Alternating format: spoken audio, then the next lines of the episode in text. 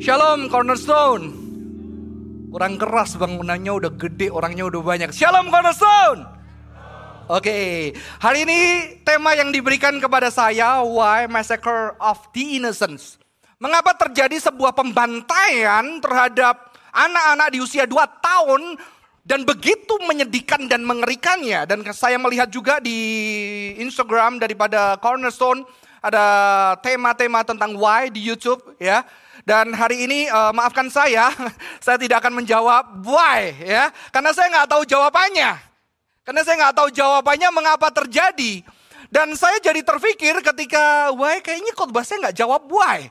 Jadi saya mikir saya harus ngomong apa ya di depan teman-teman di tempat ini untuk saya uh, minta maaf dan jujur saya nggak ngomong why.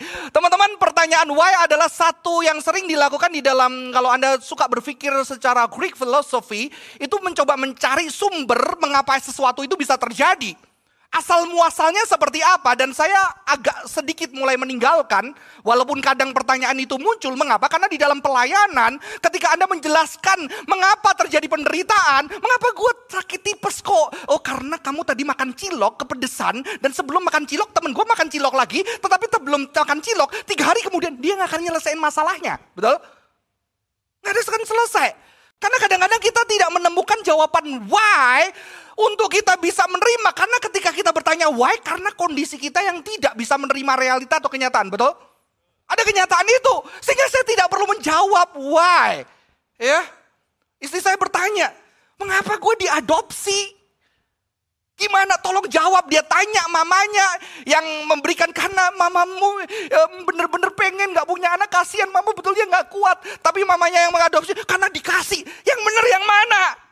Sampai hari ini dia gak jawab dapat jawabannya. Ketika dia tanya sama saya yang bener yang mana? Gimana? Aku harus menerima kenyataan. Saya bilang kamu menerima kenyataan sampai kamu gak tanya why. Ngerti? Karena mungkin sampai mati gak akan dapat jawabannya. Setiap orang punya versinya. Maka saya tidak akan berusaha menjawab menjawab why hari ini. Uh, maafkan saya diundang jauh-jauh tapi saya meminta maaf terlebih dahulu. Saya tidak akan menjawab why hari ini ya.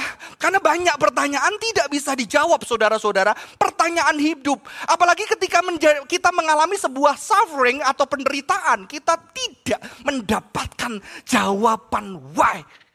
Ya. Dan saya belajar dari anak saya.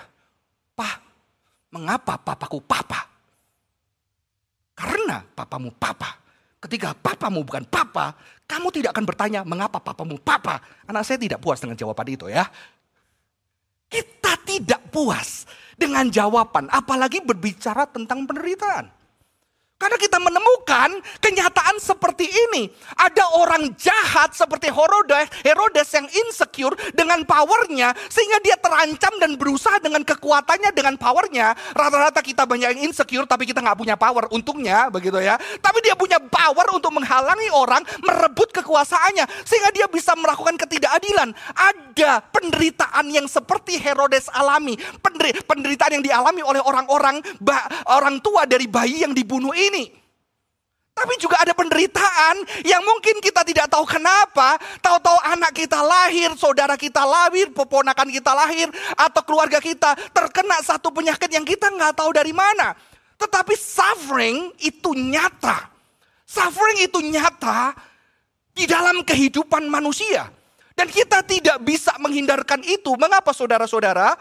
Sebelumnya kita membahas itu, saya lupa baca Alkitab begitu ya. Nanti dianggap kurang Kristen. saya lupa, maaf. Kita baca bagian firman Tuhan Matius 2 ayat uh, eh, 16 sampai 18. Saya akan bacakan buat saudara-saudara. Ketika Herodes tahu bahwa ia telah diberdayakan oleh orang-orang majus itu, ia sangat marah.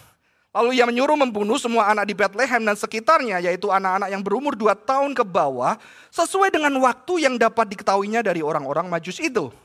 Dengan demikian genaplah firman yang disampaikan oleh Nabi Yeremia, terdengarlah suara di Rama, tangis dan ratap yang amat sedih. Rahel menangisi anak-anaknya dan dia tidak mau dihubur sebab mereka tidak ada lagi.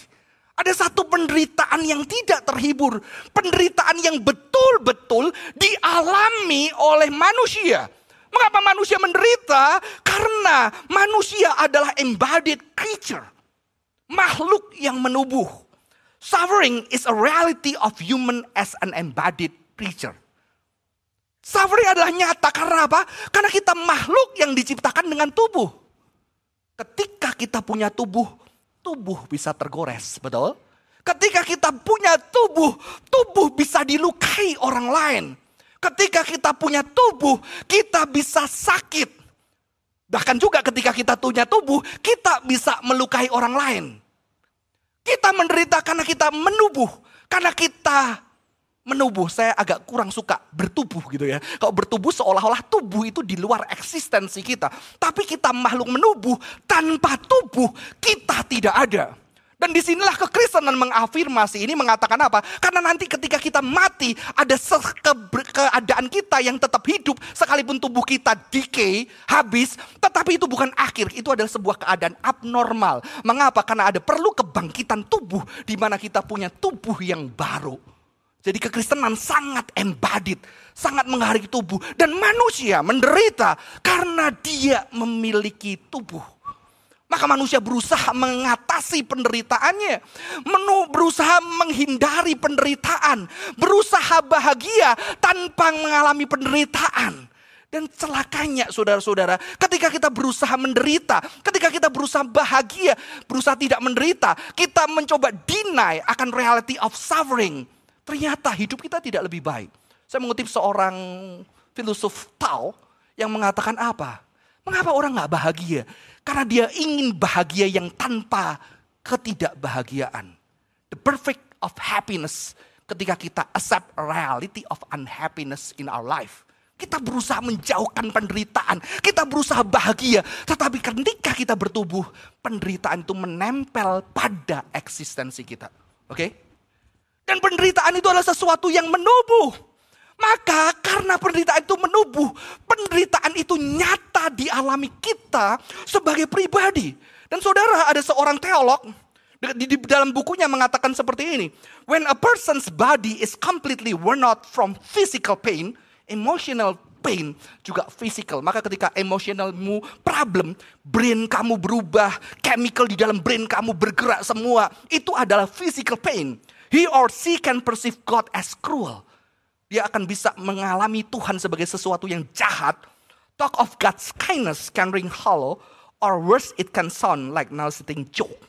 Jadi kepada orang yang menderita secara tubuhnya, dia tuh gampang banget bilang Tuhan itu jahat. Orang itu jahat. Dan juga gampang lagi ketika Anda mengatakan Tuhan itu baik, itu membuat mereka pengen muntah. Jadi ketika Anda bersama dengan menderita, jangan sok tahu Oh gue diputus pacar, gue tahu rasanya diputus pacar. Oh gue berangkut, gue tahu rasanya berangkut beda. Tubuhmu dengan tubuhnya beda. Jadi jangan merasa mengerti penderitaanmu. Penderitaan orang lain dengan mengidentikan dengan penderitaan kita, saudara-saudara. Dan di sini kita melihat wanita yang betul-betul merasakan dengan tubuhnya. Kalau saya baca ayatnya, di Rama ada ada suara yang terdengar, ada ratapan, ada tangisan, ada ratapan yang begitu dalam. Rahel menangis untuk anak-anaknya dan tidak bisa dihibur karena mereka udah nggak ada. Kalau Anda dengar kata-kata saya, iya sih. Tapi kalau bayangkan ada wanita yang betul-betul anaknya baru meninggal, dia ngeraung-ngeraung di sini, beda nggak? Beda. Karena apa? Ada tubuh yang nyata. Alkitab berusaha jujur. Perderitaannya enggak bisa dihibur. Tapi kalau ada wanita di sini dan ada jenazah di situ anaknya dan dia menangis di depan kita, saya percaya hati kita koyak. Tapi lebih beda lagi kalau Anda adalah wanita itu, betul? Jadi jangan sok ngerti penderitaan orang lain. Jangan sok tahu Apalagi ketika dia menderita, oh papamu sudah tenang bersama Tuhan di surga. Kalau papamu yang meninggal gimana? Saudara-saudara, kita terlalu mudah, terlalu mudah merasa mengerti penderitaan orang lain. Dan di sinilah ada satu inconsolable suffering. Satu penderitaan yang tidak bisa dihiburkan. Karena ada satu penderitaan dalam dan Alkitab menjelaskan wanita-wanita ini ketika kehilangan anaknya dia tidak bisa dihibur karena anaknya udah nggak ada. Saudara kalau anda pernah kehilangan anak, saya nggak pernah. Ketika ada orang yang kehilangan anak, dia punya anak yang baru, maka saya selalu nggak masuk akal itu kelihat kitab Ayub, terus anaknya digantikan yang baru. Anda pikir dia bahagia? Saya tidak percaya dia bahagia gitu deh. Karena anak yang meninggal tidak pernah bisa digantikan sekalipun anakmu yang kedua lebih ganteng, lebih jenis, lebih pinter, ya, tidak akan bisa tergantikan. Ya. Di sini apa yang terjadi? Alkitab sedang mengafirmasi ada suffering yang inconsolable, yang tidak bisa dihiburkan. Dan Alkitab meneruskan secara jelas, wanita-wanita ini penderitaannya tidak dapat dihiburkan. Sangat menderita sekali saudara-saudara. Jadi ketika saya melihat bagian ini, ini adalah sebuah affirmation, sebuah penegasan bahwa suffering itu singular. The singularity of suffering. Suffering Anda, suffering saya beda nggak pernah sama. Sama-sama menderita, tapi beda. Mengapa? Karena kita punya tubuh yang berbeda. Karena kita punya tubuh story yang berbeda. Maka penderitaan kita nggak pernah sama. Jadi jangan mencoba menyamakan dengan penderitaan orang lain, saudara-saudara. Anda akan salah kaprah. Saya ketemu seorang anak wanita, dia putus cinta. Dia nangis, ah kenapa aku ditinggalkan, kenapa kamu putusin aku. Saya pikir dia sakit dan sedih karena ditinggalkan oleh kekasihnya. Setelah saya tajak ngobrol dalam lebih dalam, ternyata saudara-saudara kenapa? Apa yang membuat painful? Ditinggalin painful. Tapi ternyata bagi dia yang painful adalah apa? Ketika harapan segera menikah itu pupus. Karena usia dia sudah segini, dia harus nunggu berapa tahun lagi. Dengan menunggu berarti dia harus tetap tinggal di rumah orang tuanya. Dan itu menyiksa sekali. Jadi nangisnya bukan karena putus doang. Karena dia harus di rumah mamanya, papanya yang cukup posesif. Dan dia udah capek sekali. Penderitaan orang beda. Sama seperti kita mengatakan God is good. Kita nyanyi lagu God is good. Story Anda, story saya berbeda. Mungkin ketika Anda mengatakan God is good, Anda punya orang tua yang sudah bercerai, saya tidak. Tapi ketika mungkin saya mengatakan God is good, orang tua saya selingkuh, Anda tidak. Ketika God is good, ada ibu yang udah kehilangan anak. Kita punya story yang berbeda tentang God is good. Walaupun God is good adalah satu kata yang sama yang kita gunakan untuk memuji Tuhan dan memuliakan Tuhan, saudara-saudara. Setiap penderitaan kita berbeda. Makanya saya nggak suka tuh. Always put yourself in other shoes. Saya ketawa sih dulu. Saya dibilang sama salah satu dosen saya, kamu harusnya jadi konselor. Nggak mau gitu ya. Nggak mau. Mengapa? Karena saya subjektif, saya selalu transference, selalu kena perasaannya sama orang yang saya cerita, saya ikut sedih, saya ikut nangis, saya kebawa. Oh bisa dilatih? Enggak, enggak. Saya suka seperti itu ya. Saya suka menjadi transfer saudara-saudara. Karena apa? Karena saya tidak percaya manusia itu bisa put kakinya itu di other shoot. Kamu Anda boleh pakai sepatu saya, yang pakai kakinya siapa? Kaki Anda. Kaki Anda tidak pernah menjadi kaki saya. Kaki saya tidak pernah jadi Anda. Kaki Anda. Mengapa? Karena setiap tubuh kita berbeda. Our everyone's body is different. Everybody's story is different. Maka ketika kita berbicara tentang penderitaan yang menubuh, kita berbicara tentang kisah yang berbeda. Yang tidak pernah bisa disamakan Everyone has their own struggle.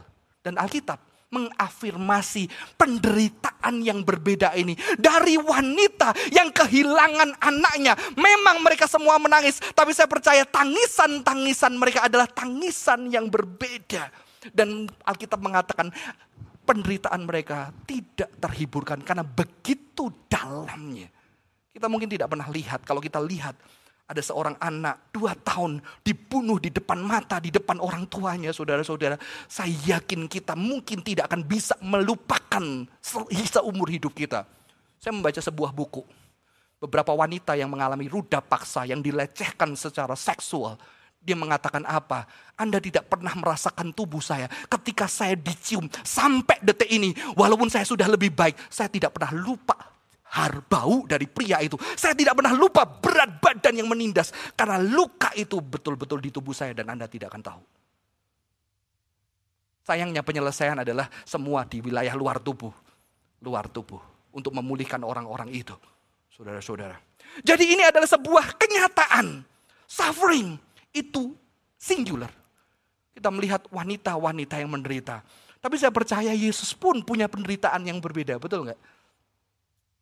Ketika Yesus menderita, ketika dia tidak mati dan dia ingat waktu gede, ternyata ada satu kota di sekitarnya, banyak anak-anak seusia dibantai, pasti apa yang dia rasakan? Akan dia mengatakan, puji Tuhan karena aku anak Allah, maka aku bebas. Memang mereka harus mati supaya apa? Aku akan membalaskan mereka. Tapi karena aku anak Allah.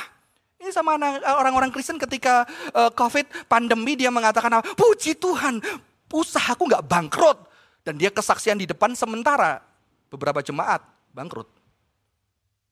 Saudara-saudara, saya mengatakan apa? Apakah yang kita pujikan Tuhan ketika kita punya hal yang terbaik yang kita miliki dan orang lain enggak? Atau seharusnya ketika di dalam kondisi yang sulit, kita bilang, oh usahaku berhasil. Tapi ternyata kebaikanku ini tidak dialami oleh saudara-saudaraku seiman. Bahkan di luar iman, mereka sengsara. Maka sebagai orang percaya, bagaimana aku yang diberkati ini, aku bisa bantu mereka. Supaya aku memuji Tuhan, bukan karena usahaku hancur. Tapi aku memuji Tuhan, karena ternyata Tuhan berkati aku untuk bisa menjadi berkat buat orang-orang yang membutuhkan. Amin. Itulah kekristenan. Bukan berbahagia karena hidup kamu lebih baik. Tetapi berbahagia ketika bahkan mungkin usaha Anda tidak hancur. Usaha Anda hancur bersama dengan yang lain. Tetapi ternyata di dalam kehancuran usaha Anda. Anda tetap bisa menyisihkan uang untuk teman-teman Anda yang bahkan lebih buruk dari Anda. That is Christianity. Saudara-saudara. Saudara-saudara Yesus saya yakin ketika melihat itu. Dia akan banyak berkumpul, berpikir, struggle. Dan saya coba mengkaitkan. Makanya Yesus suka sama anak-anak, betul ya. Ketika dia lihat anak-anak, saya yakin dia sangat dekat. Karena tidak pernah hilang dari memori dia untuk kelahiranku. Ada banyak anak-anak yang meninggal. Dan kita tidak pernah di posisi itu. Dan bukan hanya itu, dia adalah manusia 100% dan Tuhan 100% yang tidak ada seorang pun pernah mengalami penderitaan yang dia alami. Jadi kekristenan tidak mengeneralisir suffering. Kekristenan ketika Tuhan datang, dia menderita secara singular. Bersama dengan manusia-manusia di muka bumi ini. Dengan setiap penderitaan singular. Maka kita tidak fair penderitaan. Gue lebih berat dari lu. Lu lebih berat dari gue. Unfair. Setiap kita punya suffering yang tidak dialami oleh orang lain saudara-saudara. Dan kekristenan mengafirmasi singularity of suffering ini, saudara-saudara. Tetapi ketika kita membaca ayat itu, ada inconsolable suffering. Ternyata saudara-saudara, sebetulnya ketika Matius menuliskan bagian ini, Matius juga, juga sedang berbicara di Rama itu dulu ketika di perjanjian lama banyak wanita-wanita Israel juga yang kehilangan. Kehilangan anak-anak mereka. Kehilangan karena uh, serbuan dari tentara asing. Ketika Israel, ya Yerusalem ketika Israel dihancurkan. Mereka kehilangan dan mereka menangis dan tidak terteguhkan. Dan keadaan di, di, di kisah Yesus itu sama. Tapi ini juga bagian yang menggambarkan harapan. Mengapa? Karena Israel tetap ada hari itu. Umat percaya tetap ada hari itu. Betul? Jadi ayat ini juga gambaran akan ada harapan, hope in the suffering. Ada harapan. Karena apa? Israel tidak hancur. Masih ada bangsa Israel. Jadi apa? Masih ada ibu-ibu yang melahirkan anak keduanya setelah itu. Ketiganya setelah itu saudara-saudara. Walaupun tetap penderitaan itu tidak hilang. Kenapa? Karena anak pertama, anak yang menikah meninggal tidak pernah bisa digantikan oleh anak yang lain. Walaupun sukacita juga tetap ada, betul?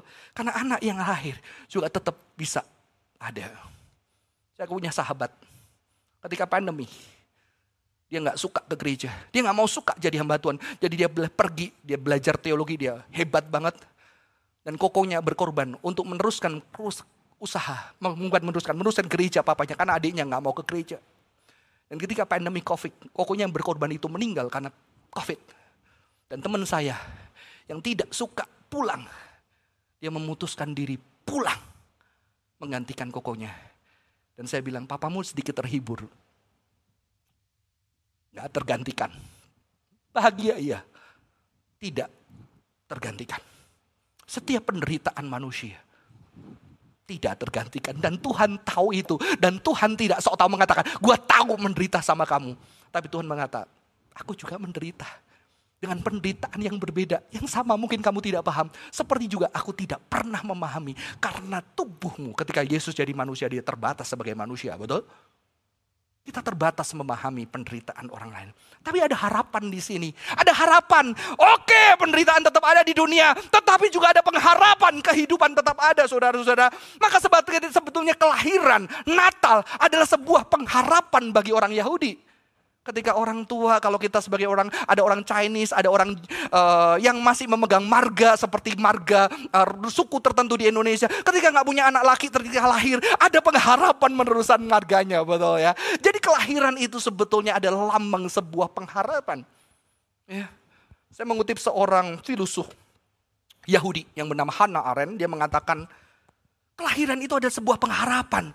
Karena the miracle that saved the world is ultimately the fact of natality, kelahiran, the birth of new people and the new beginning. Only the full experience of this capacity can bestow upon human affairs faith and hope. Kelahiran, bayi yang baru di tengah perang, di tengah kehancuran ada ah, ada pengharapan di sana. Di tengah kehancuran ada kehidupan di sana. Dan kalau saya membayangkan cerita itu, saya membayangkan cerita Yesus ketika dibunuh itu, uh, murid uh, bayi-bayi itu, dan Yesus sendiri yang selamat, saya membayangkan kisah-kisah kerajaan saudara-saudara. Ketika raja yang lalim berkuasa, akhirnya kerajaan yang ini dikejar-kejar, mau dibunuhin karena takut kekuasaan ini terancam. Dan akhirnya banyak korban, rakyat-rakyat jelata yang harus mati. Anaknya harus dibunuh karena satu diselamatkan. Saya bayangkan ibu itu ketika melihat, oh raja yang jahat ini, dan dia ketika berban, berhadapan dengan Yesus, oh adalah raja yang akhirnya akan datang, memimpin dengan satu keadilan sehingga apa? Sehingga kerajaan yang jahat ini dihancurkan. Itu juga sebuah pengharapan. Saya membayangkan ada ibu-ibu yang kehilangan anaknya ketika Yesus mulai populer, mulai dikenal. Saya membayangkan mereka juga datang. Ya, datang. Dan saya pasti yakin Yesus juga melihat itu ketika melihat pasti sedih. Dan ibu itu juga pasti sedih. Tapi pasti ada harapan. Harapan apa? Ketika kamu nanti berkuasa. Ketika engkau betul-betul berkuasa. Biarlah engkau menjadi raja yang adil. Sehingga segala kelaliman, segala kejahatan dimusnahkan. Sehingga tidak ada lagi ibu-ibu yang menangis seperti saya. Saya membaca seorang kisah orang di Rwanda yang tidak bisa memaafkan. Dan dia datang kepada pastor, aku tidak bisa memaafkan pembunuh keluargaku. Semua dibunuh aku tidak bisa memaafkan. Pastor itu mengatakan apa? Apakah kamu mau semua mati? Enggak. Sudah terlalu banyak orang meninggal. Sudah terlalu banyak orang menderita. Enough. Dia mau itu berakhir. Saudara-saudara. Jadi Natal berbicara tentang pengharapan. Berbicara akan kehidupan, kelahiran kembali. Akan apa? Akan satu keadilan Ketika ada bayi lahir, ketika ada yang selamat, siapa tahu nanti dia menjadi pemimpin, dia menjadi tokoh yang akhirnya memukul kerajaan yang jahat ini. Maka ini berbicara tentang justice, tentang keadilan yang Tuhan tegakkan. Ya, maka sekalipun ibu-ibu ini sengsara saudara-saudara, saya percaya di dalam kesengsaraannya dia, dia mengharapkan tidak banyak ibu lagi yang menangis kehilangan anaknya. Betul? Betul? Tapi juga jangan salah mengatakan ini, oh kalau gitu nggak apa-apa anakku gua korbanin supaya Yesus ini bisa jadi raja. Saya rasa tidak seperti itu saudara, itu ibu gila. Karena dia juga tahu, tidak tahu baby Jesus waktu itu apakah betul seperti itu saudara-saudara. Tetapi ketika dia lihat kenyataan ini, dia lihat ada kerinduan akan pengharapan kasih dan keadilan yang ada di bumi saudara-saudara. Dan ini berbicara tentang apa? Adanya kenyataan keadilan yang bisa dirasakan dengan tubuhnya. Saudara-saudara ketika berbicara tentang iman di dalam kekristenan dan ketika kita melihat di dalam perjanjian lama, ternyata sebetulnya karena manusia makhluk bertubuh, Tuhan tahu itu dan ketika Tuhan datang menghampiri manusia, dia hadir secara nyata untuk bisa diindra tubuh manusia. Saudara-saudara, tapi sayangnya sekarang kita kekristenan sering dituduh disembodied. Tidak begitu fokus kepada tubuh karena roh lebih penting dan tubuh tidak begitu penting saudara-saudara. Padahal ayat mengatakan persembahkan tubuhmu sebagai persembuhan tubuh yang hidup. Betul? Tubuh saudara-saudara ya. Karena Tuhan sebetulnya menggunakan itu. Ketika Tuhan menyatakan diri manusia kepada manusia, Tuhan menyatakan secara sesuatu yang diindra, nyata. Maka ketika kita berbicara Tuhan menyatakan keadilan, sejak awal cara Tuhan menyelesaikan keadilan dan penderitaan manusia dengan hadir secara menubuh. Ada embodiment of justice and love of God. Saya akan buka di keluaran 3 ayat 7 saudara-saudara. Di bagian ini mengatakan ketika Israel mengalami penderitaan tubuh, yang nyata di Mesir, yang bisa dirasakan, Tuhan mengatakan seperti ini. I have surely seen the affliction of my people who are in Egypt and have heard their cry because of their taskmaster.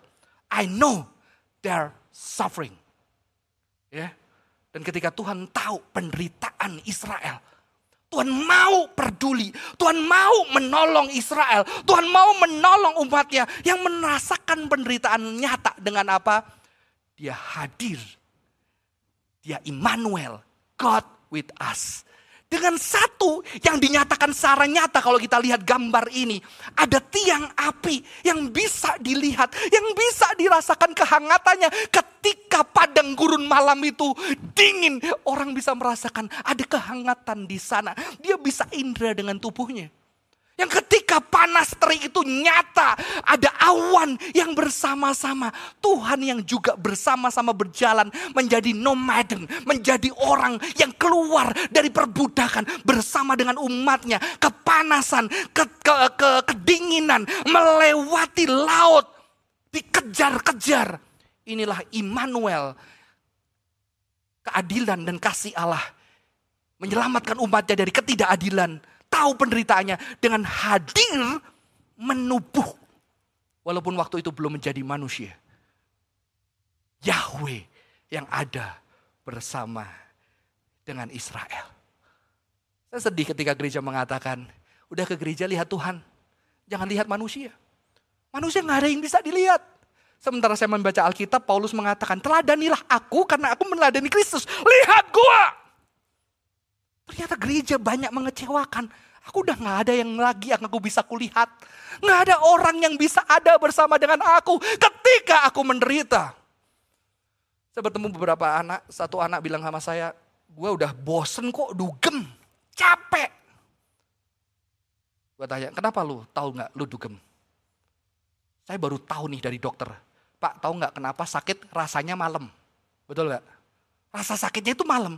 Karena kalau malam nggak ada distraksi pak, betul juga ya. Kalau malam kita diem tidur, kita tenang, kita nggak bisa distraksi. Tapi ketika tenang, baru tubuh kita bisa ngerasain sakit. Dan itu menakutkan. Detik baru jam baru kedengaran. Bunyi tumbuhan baru ke, uh, hewan-hewan yang lain baru baru bunyi tumbuhan gimana ya? Bunyi hewan-hewan lain baru kedengaran. Kita baru merasakan sakit kita ketika malam padahal udah dari pagi sakit. Dan itu menakutkan. Saya mengkaitkan, oh pantas anak-anak ini kalau kedugem apa? Malam, kenapa ya? Karena menakutkan sendirian dan itu ada tempat yang gue bisa pergi dengan musik yang keras, dengan minuman yang membuat gue rileks sampai gue capek tidur, gue udah badan gue gak kuat, gue tidur. Dan kerennya adalah ada teman satu dua orang rela sampai jam 3 jam 4 pagi ada bareng sama aku tertawa. Dan tubuhku bergerak. Untuk aku gak gila menghadapi segala penderitaanku. Kalau kamu cari orang Kristen, temenin gue dong. Sorry, latihan buat worship leader besok. Eh sorry, gue ada persiapan. Oh, gue harus saat teduh.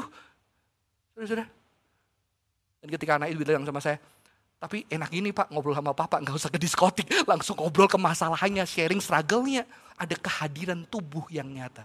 Karena manusia nggak bisa ngerasain cinta tanpa tubuhnya, betul? Tapi kita bilang apa?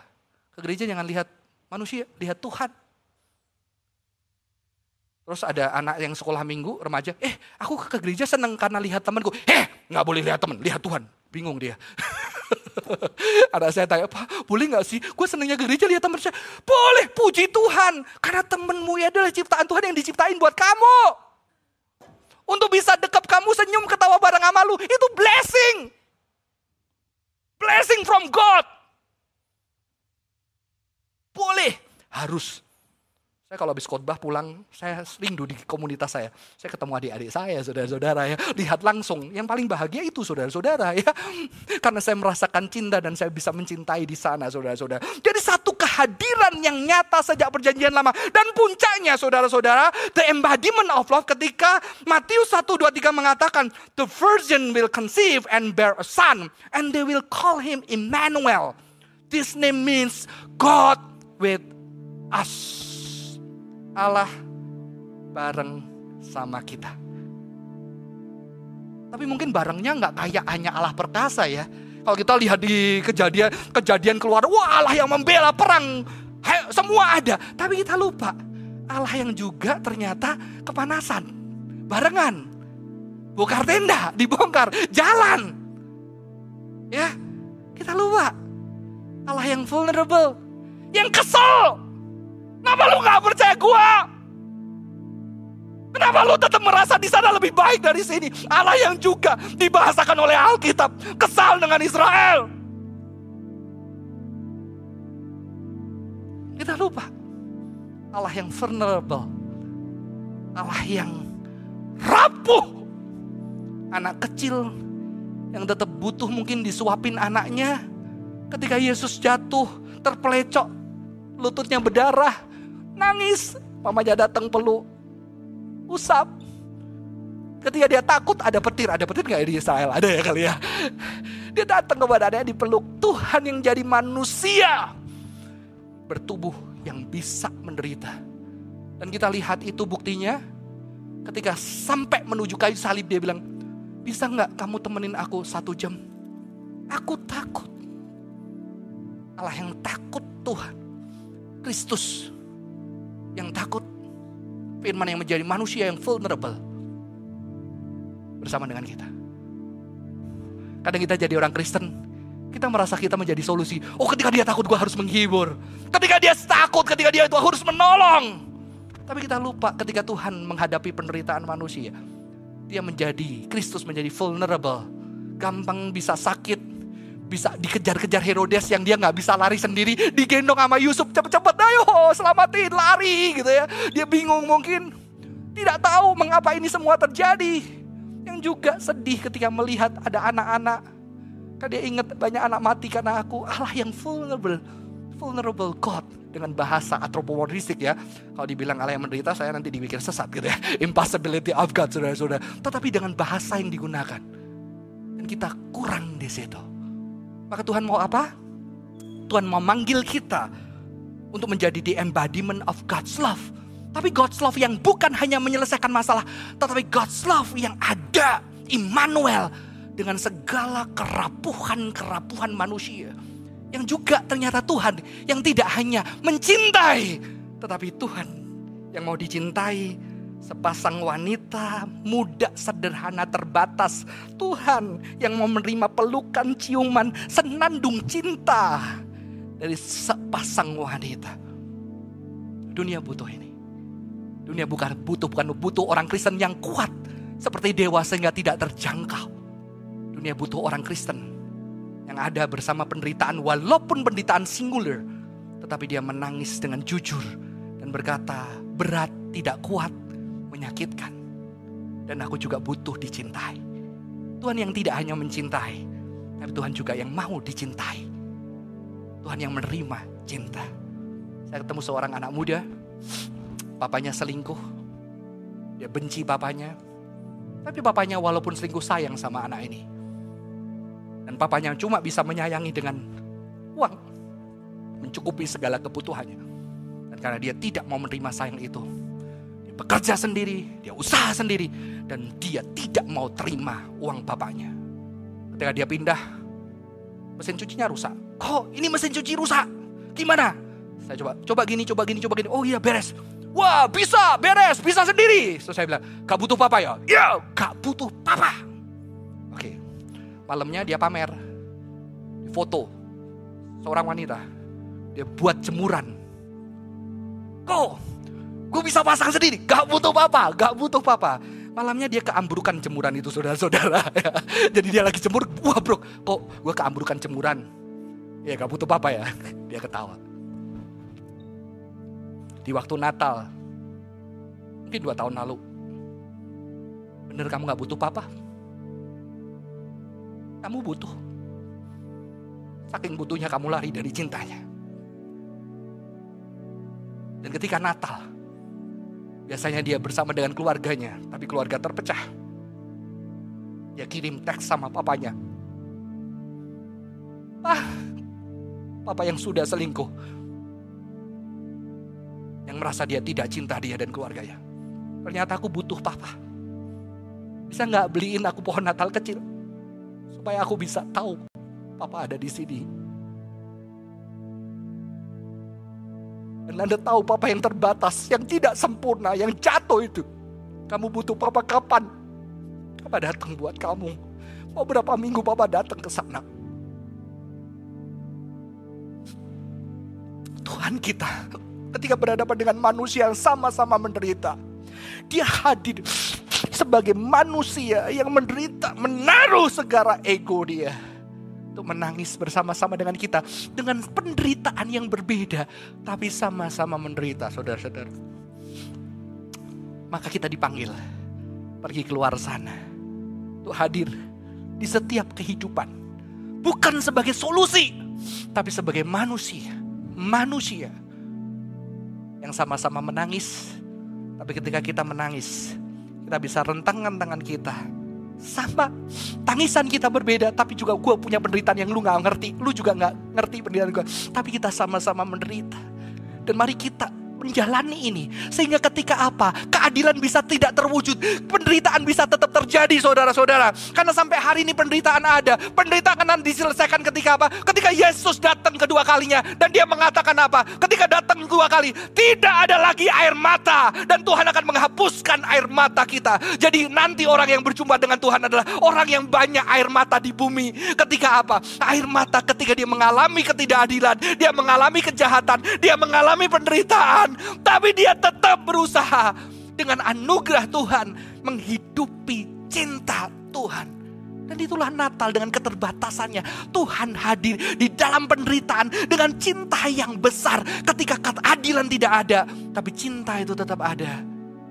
Dan itulah berbicara kekristenan sampai suatu hari. Gak ada lagi penderitaan. Yang ada adalah kasih yang sempurna. Di mana setiap orang tidak akan bisa menyakiti seorang dengan yang lain. Saya suka meja ini persis di gereja saya. Saya minta sama majelis, beliin dong yang sama, taruh di luar sana. Ada kursi, supaya apa?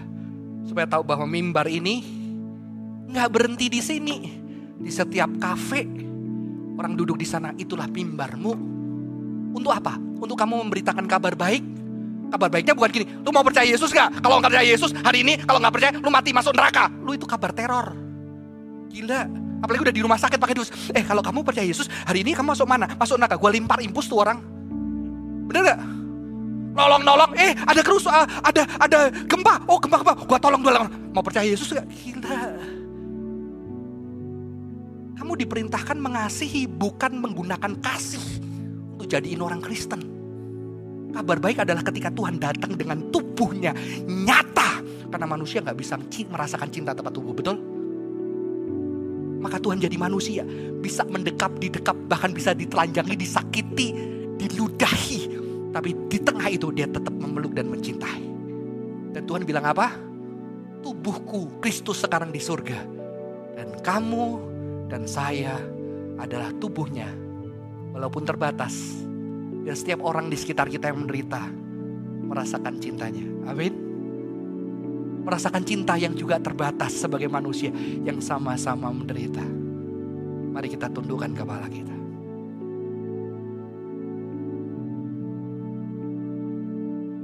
Tuhan, ini tumbuh kami dengan segala penderitaan yang tidak ada orang mengerti. Kami juga tidak akan mengerti penderitaan orang. Tapi kau datang bukan untuk membuat kami mengerti penderitaan orang, tapi kau datang menderita secara singular. Seperti kami yang kami tidak pernah mengerti penderitaanmu. Tapi kau menderita bersama-sama dengan kami. Dan ternyata penderitaan itu bukan akhir. Kan ternyata di tengah-tengah penderitaan, cinta itu masih ada. Cinta itu masih ada.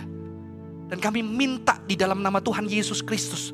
Tuhan kami pakai kami, tubuh yang penuh dengan keterbatasan, dengan luka, ketidaksempurnaan. Oleh boleh menghadirkan cinta kepada keluarga kami, orang tua kami, anak kami, sesama kami, saudara kami, suami kami, istri kami, walaupun terbatas, supaya kehadiran tubuh ini dengan tangan yang bisa memeluk, mata yang bisa menatap, mulut yang bisa memuji, walaupun terkadang kadang-kadang mulut kami juga sering menyakiti, tapi kami mau Tuhan pakai kami untuk bisa tubuh kami menjadi tubuh Kristus yang bisa orang di sekitar kami merasakan cinta. Tuhan jika ada kami dalam saat ini, kami tidak pernah merasakan cinta. Tuhan bolehkah kirimkan orang-orang untuk bisa membuka mata kami. Kirimkan tubuh-tubuh Kristus itu untuk bisa membuka mata kami. Supaya kami percaya kami merasa dicintai Tuhan. Tolong Tuhan. Dan ketika mungkin sudah ada yang Tuhan kirimkan. Tapi mata kami tertutup. Buka mata kami di dalam nama Tuhan Yesus.